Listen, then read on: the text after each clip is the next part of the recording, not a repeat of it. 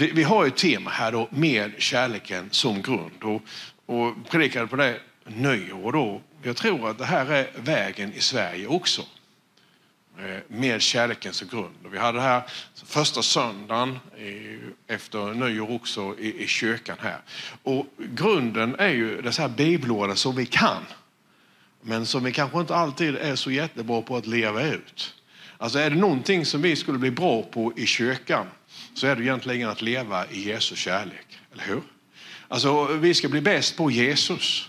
Och blev vi bäst på Jesus då så blev vi bäst på den kärlek på något sätt som han står för och den kärlek som han är. Och, och går ni tillbaka och lyssnar på några av de andra predikningarna som vi hade tidigare va? Så, så berättar just detta här att när Jesus han kom till ett sammanhang, när Jesus han kom till samhälle så, så var det inte det första han gjorde under tecken utan först och främst så fylldes han av empati då, och medlidande och kärlek över dessa här människorna. Och utifrån den kärleken som han kände då så började han så att säga göra saker och ting. Där skedde då miraklerna, där skedde under och tecken.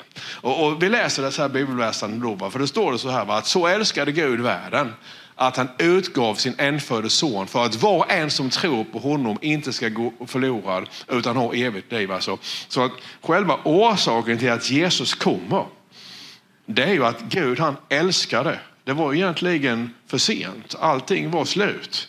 Men Gud han älskade dig och mig. Gud han älskade människan och därför så sände han ju Jesus in i världen. Och när, när, när Jesus går ibland då så ger han oss ett enda bud. Och då säger han detta är mitt bud.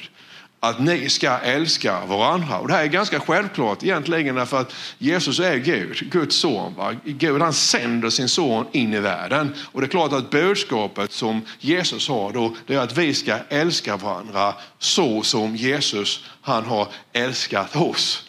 Och många gånger i kyrkan då så har vi betonat många andra saker betydligt mer och betydligt hårdare. Och så har vi glömt då det absolut viktigaste budet, att vi ska älska varandra. Mm. Och innan jag, är klar idag, för vi är på väg någonstans, så kommer vi också till första Korinthierbrevet 12 och 31. Alltså ni strävar efter din nådegåvor som är störst. Och nu ska jag visa er en väg som är vida överträffar alla andra och det är ju kärlekens väg. Och det är ju ändå märkligt att Paulus han säger härvid, alltså om, om, jag, om jag säljer allt jag äger, har och ger bort det men saknar kärlek så har det egentligen inget riktigt värde. Alltså om vi profiterar och vi gör alla möjliga andra saker då och vi når på något sätt toppen av samhället men saknar kärlek så räknas det inte. Utan störst av allt är kärleken. Och vi som är Jesu kyrka, vi är ju kallade att bli bäst på att älska. Så, så är det va. Och här nu får vi predika till, till varandra och det här är ju också en process. Eller hur? Men man, man kan på något sätt börja den här processen. Och sen så när man sitter och har sin morgonbön så, så tänker man ju efter så märker man ju att ja, igår så gick det ju inte så bra här vid. Men då får man en ny chans, eller hur? Får man en feedback och så, så kan man förbättra sig. Därför att alla som är troende har kärleken i sitt hjärta. Det handlar liksom bara om att få den att mogna fram och att komma fram. Men idag så tänkte jag att skulle prata lite grann om den helige ande. Om vi får nästa slide. Titta nu här. Så står det så här va, att den som inte blir född på nytt kan inte se, och säger Jesus då någon vers senare, komma in i Guds rike. Alltså, det här är ju oerhört viktigt, alltså, att, att man, man får den helige ande. Alltså och att man blir född på nytt. Och, och, när Johannes han ser Jesus så säger han att han är den som döper i den helige ande.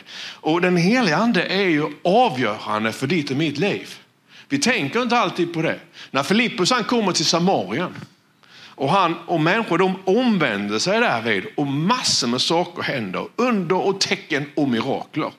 Och det här var ju samarier, de var inte judar. Och när man då får reda på det här uppe i Jerusalem så, så, så, så säger apostlarna, fick de en helig ande?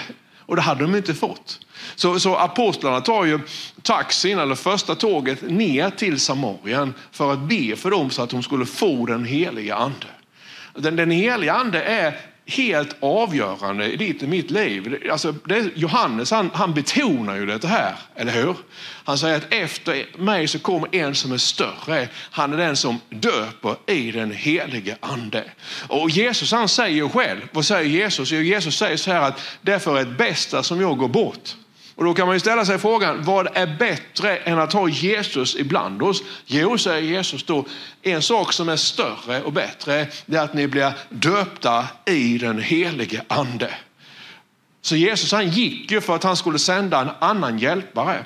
Jesus han gick för att han skulle sända den heliga ande in i vårt hjärta. Så, så är en av de centrala, alltså det centrala budskapet i Nya Testamentet det är att Jesus han bygger sin församling och att han gör det i den heliga andes kraft. Alltså kontakten som du och jag kan ha med Gud är ju genom den heliga ande. Och därför så är det så oerhört viktigt att vi, att vi har den helige ande. Att, att vi umgås tillsammans med den helige ande och att vi på något sätt lär oss att, att tala med den helige ande. Känna hans närvaro i vår invärtes människa. Därför att det är avgörande att den helige ande är här. Och Jesus han säger ju det. Alltså när den helige ande kommer så ska han lära er allt. Vilket innebär att den helige ande kommer som en tröstare. Den helige ande kommer som advokaten, försvararen. Men den helige ande kommer också som, som läraren. Den helige ande kommer som en guide. Så att det är oerhört viktigt för dig med att ha den heliga ande i vårt liv. Och så säger du, vad har det med kärleken att göra? Jo, du vet att den heliga ande och kärleken, de är på något sätt nära förbundna. Alltså därför att den heliga ande är oerhört känslig på där det inte finns kärlek. Och tro mig, jag har haft många möten, ja tyvärr är det många möten där, där på något sätt den helige ande har kommit. Och sen så liksom i, från, från den ena stunden till nästa så har man haft en vändning i predikan där det kommit en hårdhet istället. Och jag vet ibland så har jag tänkt vad jag säger, alltså man har tänkt det här borde jag inte säga och sen, ja, sen sa man det i alla fall. Och då kan det gå som en, en låsning i mötet och känner liksom att då blev den heliga ande bedrövad. Och då går det inte att arbeta upp det igen. Den heliga ande är oerhört känslig. Den heliga ande finns i kärleken. Alltså det finns, det finns ing, ing, alltså i min, det här är min erfarenhet, när man, man verkligen har känt den här tjocka närvaron av helig ande så det nästan är som att gå i en dimma av Guds närvaro. Det har varit när man har när man levt i förlåtelse eller när det har varit några som varit otalt med och som har bett varandra om förlåtelse. Då kommer den här tjocka, tunga närvaron av Guds ande. Därför att den heliga ande älskar när vi förlåter varandra. Det är så, har du inte känt den helige ande så där, där är det ju, alltså få gåshud, det kan ju alla människor få av olika anledningar. Det är inte att ha den helige ande. Utan den helige andes närvaro är någonting helt annat. Och då säger Petrus så här när han predikar, omvänd er säger han. Och låt er alla döpas i Jesu Kristi namn så att era synder blir förlåtna, säger han. Då får ni den heliga ande som gåva. Inte när vi döper oss, utan när vi omvänder oss. Och Det här är ju på något sätt att, att vi är på väg åt ett håll. Och, Paul, och Petrus han säger där vi omvänder oss. Och när man börjar omvändelsen då så, så på något sätt någonstans här så, så klickar det över. Någonstans här så, så kuggar det i då så att man blir förlåten, så man blir född på nytt, så man kommer in i Guds rike. Men om du vill se Guds rike, alltså, är du med mig? Du måste bli född på nytt, säger Johannes. Alltså du, du omvänder dig så mycket så att du tittar inte åt det hållet där du varit. Du tittar inte åt sidan utan du fäster blicken på Jesus. Du omvänder dig så mycket så att du ser Jesus och det är där som du och jag ska leva. Därför att när det är där, alltså när vi omvänder så får den helige ande som gåva så att vi vandrar tillsammans med en helig ande. Men jag ska strax visa er för vad som händer här vid då att när man har omvänt sig och den här första kärleken till Jesus som gör att man bara springer efter honom. Sen händer olika saker som påverkar omvändelsen och så tappar vi vårt fokus och så tappar vi kanske vår kärlek och så, så lever vi precis så att vi kommer över så att vi är förlåtna och på väg in i Guds rike. Men vi lever inte tillsammans med en helig ande. Alltså vi är kallade att leva tillsammans med den helige ande. Får, kan jag ge bara några bibelverser? Titta nu här, får jag nästa slide. Så står det så här. Låt oss då lägga bort allt som tynger och särskilt synden som snärjer oss så hårt. Alltså, vad, vad som händer här vid, när man har, har saker och ting i sitt liv som man inte vill ha eller ska ha. På något sätt, det tynger ner oss. Och vi ska inte vara nedtyngda. Alltså, när, när du och jag vi då har, har hittat Jesus och omvänt oss så finns det saker och ting som, som tynger ner oss. Och det är det här som tynger ner oss. Det gör att vi förlorar vårt fokus på Jesus. Och han, han, säger så här, va? om vi fortsätter att synda med vett och vilja, då kränker vi nådens ande. Och det kan vi ju inte göra. Vi kan ju inte fortsätta när vi vet vad som är rätt. Så kan vi inte göra det som är fel. Därför att om du har omvänt dig och vet vad som är rätt och sen börjar du kompromissa och börjar göra det som är fel. Då kränker du nådens ande. Den här bibelläsaren är egentligen kraftigare, men jag tar inte det idag för jag vill inte gå in i det rummet. Men, men att kränka nådens ande, det är absolut inte bra. Det är ett steg sämre än när en helig ande blir bedrövad. Mm. Och då, då, säger Johannes så här, va? jag ska förklara det. Älska inte världen, inte heller det som är i världen. Om någon älskar världen finns inte Faderns kärlek i honom. Jag ska förklara det här nu. För det här, det, vad menar han då med att inte älska världen? Det är just det här att, att när du och jag vi då har hittat Jesus och så lever vi för Jesus och så söker vi den heliga ande och så får, börjar vi umgås tillsammans med den heliga ande. Men just det här att, att, att man älskar världen, det, det är inget Alltså just det, vi ska leva i världen och Gud han vill väl välsigna oss. Men just det här att det, det sakta men säkert så, så kan det börja tunga ner oss. Och vi, vi tänker inte längre på Jesus. Vi ser inte längre Jesus lika tydligt. Och, och det liv som, som är idag, det är faktiskt inte så lätt att leva idag i världen. Det är inte så lätt att leva i Sverige idag. Därför att det är ett väldigt tryck på våra arbetsplatser. Det är väldigt tryck på våra barn. Det, det är väldigt tryck liksom på sociala medier. Vi ska vara uppkopplade. Vilket gör då att, att detta här, det, det, det på något sätt det tynger ner oss. Har du tänkt på det? Alltså vi, vi har knappt tid att fira jul i kyrkan längre därför att det är så mycket med julen som vi ska fira. Det är så mycket med julen som vi ska göra. Så vi glömmer det allra viktigaste med julen. Det var ju där Jesus föddes ju, eller hur? Vi glömmer att fira Jesus för vi har inte tid med det. Och det vill man egentligen inte på, in, på insidan. Men just det här att dessa här sakerna tynger ner oss och ju tyngre man blir, man, man vänder liksom om ifrån omvändelsen.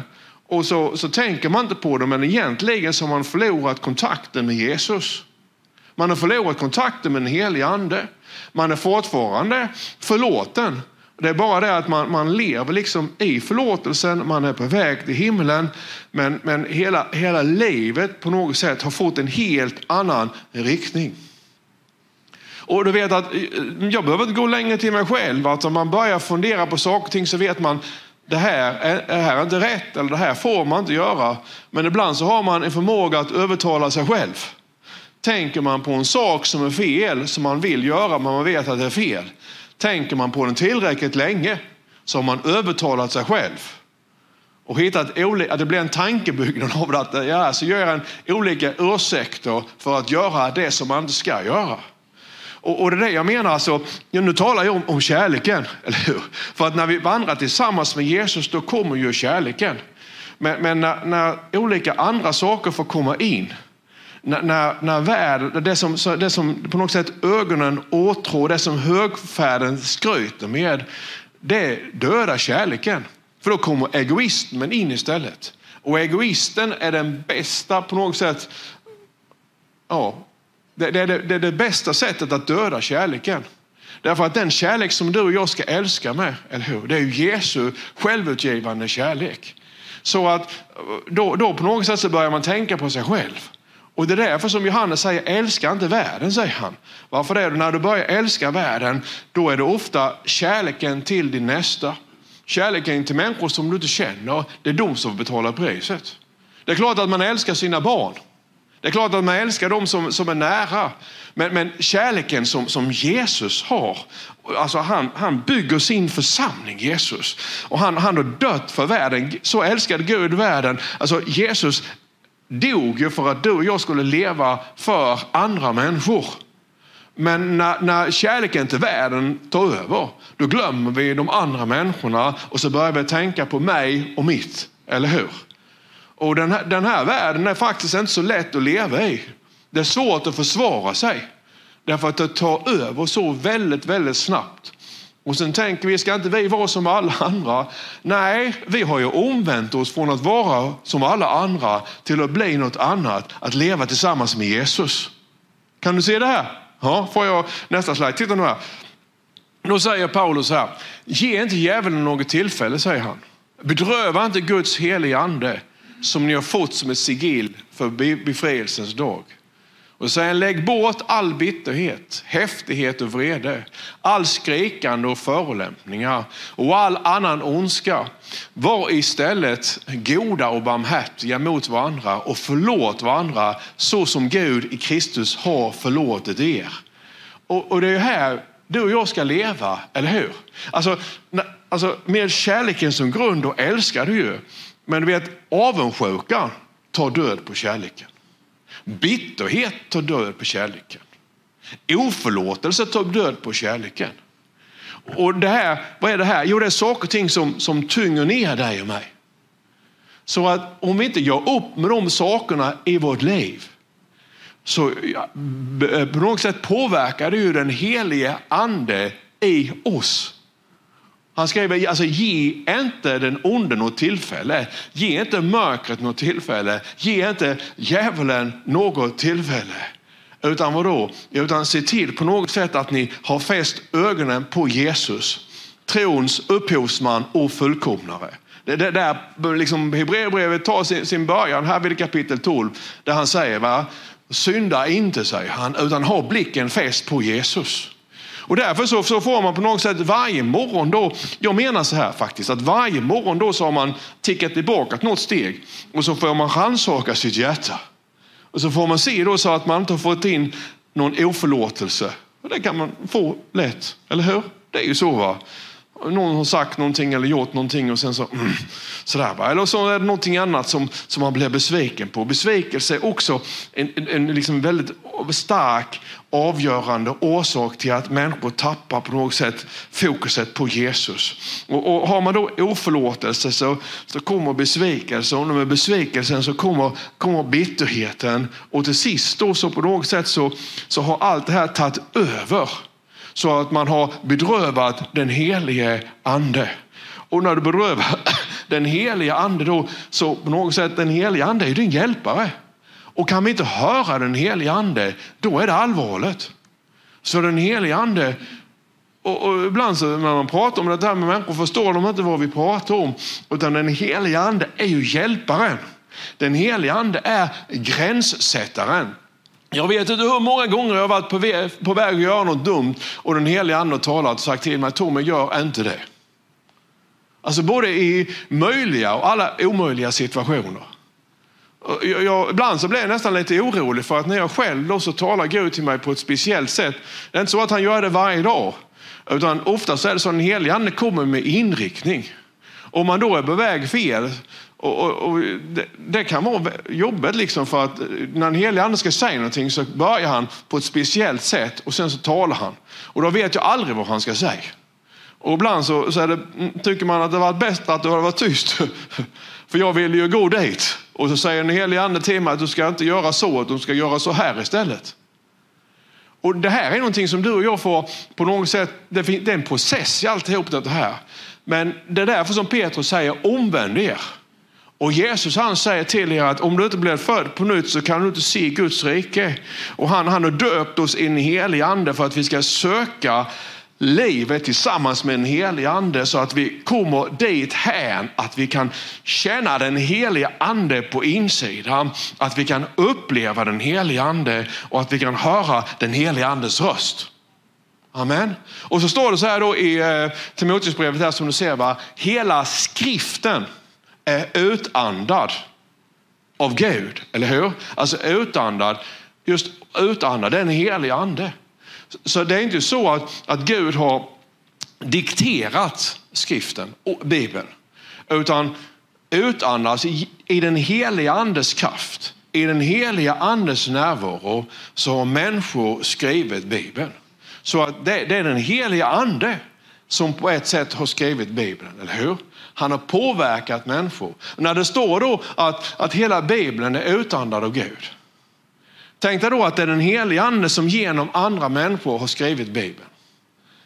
Alltså när du och jag då läser till exempel, ja, framförallt då i, i det nya förbundet, där den helige ande skriver saker och ting igenom Paulus då eller Petrus. Och att vi sen då struntar i det. Om då hela Bibeln är utandad av Gud, då innebär det ju att när vi då struntar i det som den heliga ande har skrivit genom andra människor, vad gör vi då? Ja, då bedrövar vi den heliga ande. Om vi säger att ja, men jag har min egen tro på Jesus eller jag har mitt eget sätt att leva liksom ut min kristna tro. Ja, det kan du ha. Men vill du leva med den heliga ande så kan du inte säga till den heliga ande att jag har min egen väg. Så säger den heliga ande, men skriften är utandad av mig. Det är jag som har sagt alltihop det här.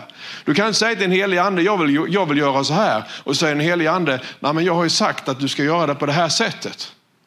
Så säger man nej, det hinner inte jag, eller jag har andra saker att göra istället eh, på söndagar till exempel, eller när det gäller församlingen. Men Jesus han har ju dött för att han ska bygga sin församling. Det säger, han säger till Petrus, jag ska bygga min församling. Vi är världens hopp. Om du säger till den helige ande, men jag, jag kan vara privatreligiös istället. Så säger den helige ande, har jag sagt det någonstans? kan du hitta att jag har utandat det i skriften. Utan det här är ju saker och ting som börjar tunga ner oss och som gör att vi, vi blir lite grann förvirrade. Men tack och lov att Gud han älskar oss. Om han älskade dig och mig så mycket så att han gav sin, sin son till dig och mig. Så när du och jag vi har fel och när vi har gjort fel, när vi har tänkt fel, eller hur? Då finns alltid Gud där med sin förlåtelse. Alltså det här med att den helige ande blev bedrövad, det blev den helige ande och då får man på något sätt umgås med Gud lite grann. För att det, det, är inte, det är inte så att du blir förlåten direkt när du gjort någonting fel. Men det tar alltid ett tag innan rösten kommer tillbaka. Det är därför som Paulus han skriver liksom att, att kraften den är som ett lerkärl. Jag är verkligen, verkligen rädd om kraften. Och är det så att när vi umgås tillsammans med den helige ande, då, som jag sagt, ibland när jag predikat och det har varit en närvaro av Gud och sen så har man fallit för frestelsen att säga någonting som man inte ska säga. Då är det inte bara att liksom tyst säga förlåt Gud, för jag blir förlåten. Men den helige ande är bedrövad. Gud förlåter direkt. Men den, den helige ande blir bedrövad så tar det ett tag innan såren i den helige ande de läks. Du vet, några gånger när vi varit speciellt utomlands då och vi har haft stora möten. Då, alltså, den heliga ande bor ditt i mitt hjärta, då tar den heliga ande över. Och då blir man på ett speciellt sätt. Eh, och man blir oerhört känslig eh, för, ja, för alla möjliga saker då. Och man, man, det är precis som att det är någonting som öppnas på insidan. Och då vet jag att har jag haft lite folk med mig då som, som har filmat så här och de är ju inte, de är liksom inte i mötet på det sättet. Utan när vi ber för sjuka eller vi profeterar, då, då, är man, då är man i anden. Men de är ju upptagna med att få med att filma och ta foto och få tekniken att fungera. Så de är ju inte i anden. Utan de är, de är liksom på något sätt, är du med mig? De är ju i tekniken. Och sen så då när allt är över då, så, så åker jag ganska snabbt. Och då vet jag att ibland när vi sätter oss i bussen då och åker och så är de på ett ställe och jag på ett annat. Det är inte så att jag är bättre än på det är inte det jag säger. Utan jag säger att det är öppet, anden, anden i hjärtat är öppet. Och då när de börjar och skoja och skämta om saker och ting så, så kan det till och med göra ont på insidan. Därför att det är öppet alltså i anden. Det är öppet på insidan, den inre människan flödar av helig ande. Och, och, och därför så ibland så sitter jag stilla och sitter ensam en stund. Eller också får jag säga till, kan vi bara ha tyst nu fem minuter? Så för att, för det, det blir en smärta i anden. När det väl sen har, har, har stängts, eller hur? Som det blir tom i köttet igen. Då, ja, då kan jag säga precis samma sak och skämta om samma saker. Därför att då är det inte öppet i hjärtat. Och jag har tänkt så här, va? tänk om man skulle kunna få leva i anden alltid på det sättet. Men and, den heliga ande, vi har inte fått den heliga ande för att vi ska få mer materiella tillgångar, eller hur? Jag har inte fått den heliga ande för att jag ska kunna bygga ett större hus. Jag har inte fått den heliga ande för att jag ska göra karriär i civilsamhället. Utan den heliga ande, säger Jesus, den har kommit över dig och mig. För att vi ska berätta om Jesus för hela världen. Halleluja. Det är det som är den heliga andes uppdrag. Och för att vi ska ge Jesus kärlek. Så älskade Gud världen. Därför har du och jag fått den heliga ande. För att vi ska berätta om Guds kärlek. Om vi ska berätta om Guds kärlek, det bästa sättet är inte att berätta ibland om Guds kärlek med ord. Utan det berätta, bästa sättet är att visa Guds kärlek genom handlingar. Så dessa här sakerna måste gå hand i hand. Okej, okay. Mm, får jag nästa eh, Bibeln eh, läsa? För jag är på väg någonstans, därför jag säger alltihop det här. Då säger, säger Paulus så här då, va? att den ene får av anden ord av vishet. Den andra får ord av kunskap. Och en får tro genom samma ande. Alltså det här med att man får vishet, att man, man, man, man helt plötsligt får man bara, man, man fattar saker och sammanhang som man egentligen inte skulle kunna göra. Eller man får kunskap, man, man vet saker och ting om en människa eller om någonting som man omöjligt skulle kunna veta, alltså på ett övernaturligt sätt. En får gåvor att bota sjuka. Så, alltså, ja, helt plötsligt är det någon som ber för en sjuk på en arbetsplats och den personen blir helad. Det står här en annan att göra kraftgärningar. En får gåvan att profetera, en annan att skilja mellan andar. En får gåvan att tala olika slags tungomål, en annan att uttyda tungomål. Men i allt detta verkar en och samma ande som fördelar sina gåvor åt var och en så som han vill. Alltså det är den helige ande som gör det här. Eller hur? Men, men då säger Jesus att omvänd er så ni får den helige ande. Och när du och jag vi då lever tillsammans med Jesus och, och ser Jesus. Men då får vi se till så att vi inte bedrövar en helig ande. För att om du och jag vill be för sjuka till helande, eller hur? Om du vill att den helige ande ska flöda igenom dig, för det kan man vilja, det är inget fel i det. Eller hur? Men då kan du inte bedröva den helige ande. Då kan du inte vara nedtyngd av världen och, och, och, sträva efter saker och ting som inte den helige ande har behag till. Då kan du inte synda med vett och vilja. Utan då måste man på något sätt ligga här vid så att man har klickat in i Gud och Guds vilja för ditt liv och det som man vill med församlingen. Därför att det är den heliga ande som gör det. Förstår ni vad jag menar? Alltså, det är den, den heliga ande som är skillnaden. Om vi inte har den heliga ande i folkkyrkan i Sölvesborg så är vi bara en vanlig förening. Eller hur? Vi kan, vi kan byta, den behöver inte heta folkkyrkan då längre. Vi kan heta någonting annat. Sölvesborgs klubb för alla människor som vill vara med. Men det, det, som, det som är skillnad, det här är jätteallvarligt. Därför att det som är skillnaden mellan oss, det är den heliga ande. Och det som, det, som, det som världen utanför kyrkan vill göra idag, det är att de vill ju ta bort Jesus. Därför att Jesus är den som döper i den helige ande. Alltså vi, var ute och, vi såg nu eh, Utvandrarna här, jag och, och Karin då. Och, och det, det, var en bra spelfilm då. Men samtidigt så, alltså det är så mycket tv-program som kritiserar kristna idag. Och man, man, när man såg på Utvandrarna då så har man speglat på ett sätt som inte Moberg gjorde. Så det, till sist blev det feministiskt och det blev kritiskt mot Gud, församlingen och Jesus. Så att den som inte trodde på Jesus, det var egentligen den som var starkast på något sätt. Och, och det här lever du och jag i.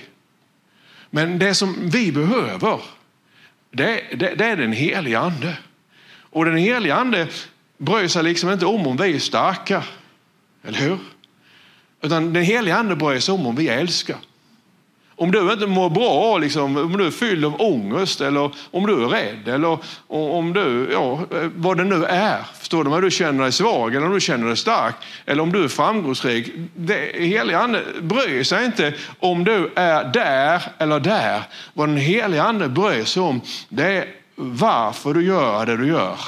Om du har kärleken som grund. Förstår ni nu vad jag, alltså om vi ska kunna, på något sätt, om det här ska kunna bli ett fantastiskt år, och det tror jag det kan bli.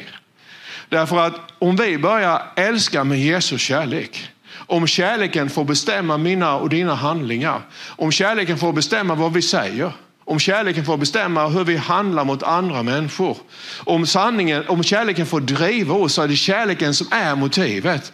Då säger Paulus så här, va? Att ni strävar efter din nådegåva som är störst. Och nu så ska jag visa er en väg som vida överträffar alla andra och det är ju kärlekens väg.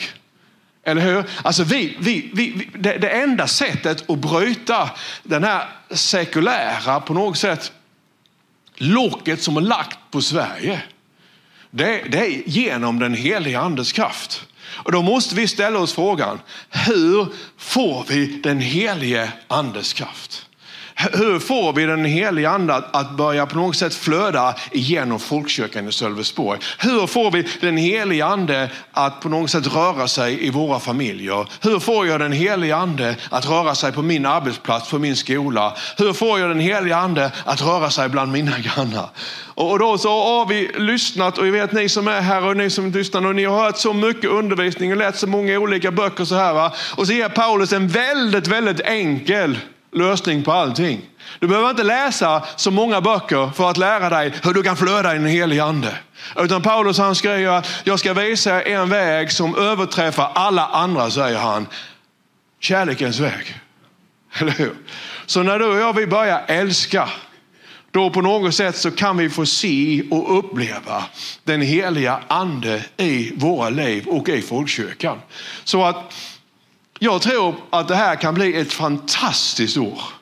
Om du och jag vi kan bestämma oss för att i Jesu namn, allting som hindrar mig från att älska.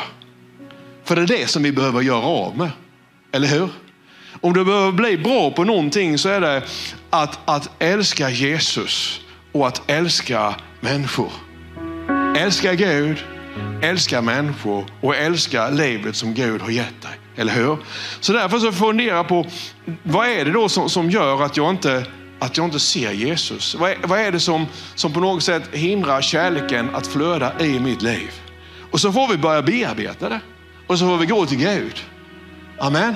Därför att en sak är jag helt övertygad på. Att, att vi, är liksom, att vi varit inne i en transition nu här vid vår församling. Generationsväxling. Och, och mycket har hänt här vid de senaste fyra, fem åren. Vi är inte så många som vi en gång var.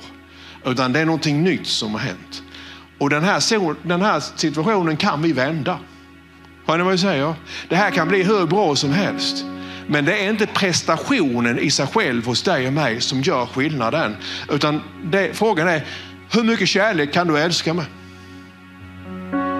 Så är det va. Och kärlek, det är inte alltid att, att vara liksom, hur, man, hur man säger saker och ting. Utan, utan kärleken det är omsatt i praktisk handling. Hur tänker du om andra människor? Därför att det är kärleken som den heliga ande kommer på. Varför vill du be för sjuka? Varför vill du berätta för andra människor om Jesus? Alltså, för Paulus han är ju ganska träffsäker när han säger om du säljer allting du har och ger till de fattiga så spelar det ingen roll om du saknar kärleken. Utan kärleken måste ligga i grunden. För lyssna på mig, om vi då älskar med den kärlek som Jesus älskar, då så skapas det en bas här.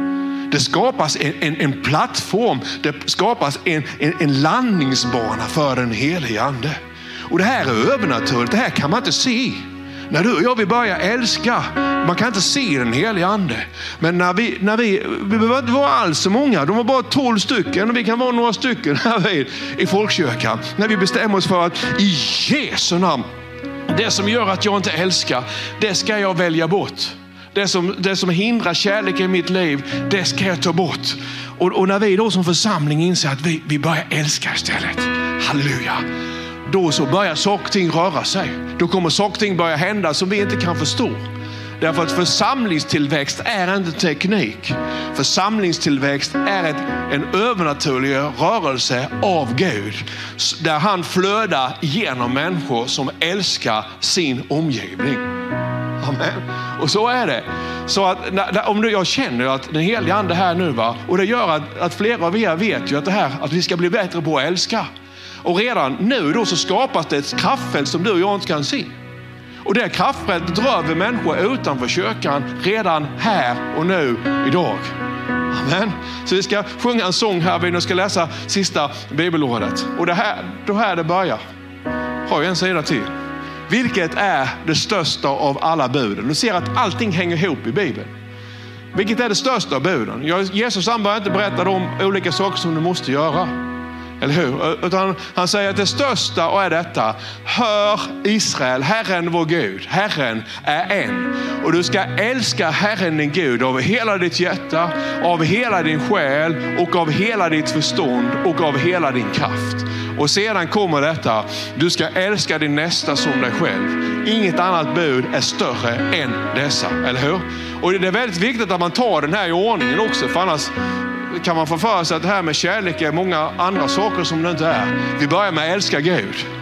Så älskade Gud världen. Så när vi älskar Gud då så vet vi att Gud har sagt att jag ska bygga min församling. Då älskar vi församlingen. När vi älskar församling så börjar vi engagera oss i församlingen. Och då har Jesus sagt att ni ska älska alla människor. Och då börjar vi älska, vi börjar förlåta, vi börjar jobba bort avundsjuka, bitterhet, besvikelse. Och så växer plattformen för kärleken. Och när plattformen för kärleken växer, då växer också smörjelsen som vi säger i den heliga ande. Och smörjelsen i helig ande på riktigt gammalsvenska, det bryter oket i Jesu namn över människors liv. Det är en övernaturlig rörelse av Gud.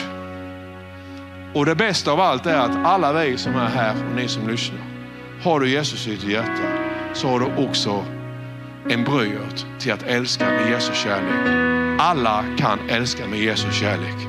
Och jag säger det vad Gud kräver Gud av mig, en enda sak älska med Jesu kärlek. Och vi har liksom siktat in oss på 99 andra saker istället, många gånger. Älska med Jesu kärlek, så kommer vi till att få allt att fungera. Amen.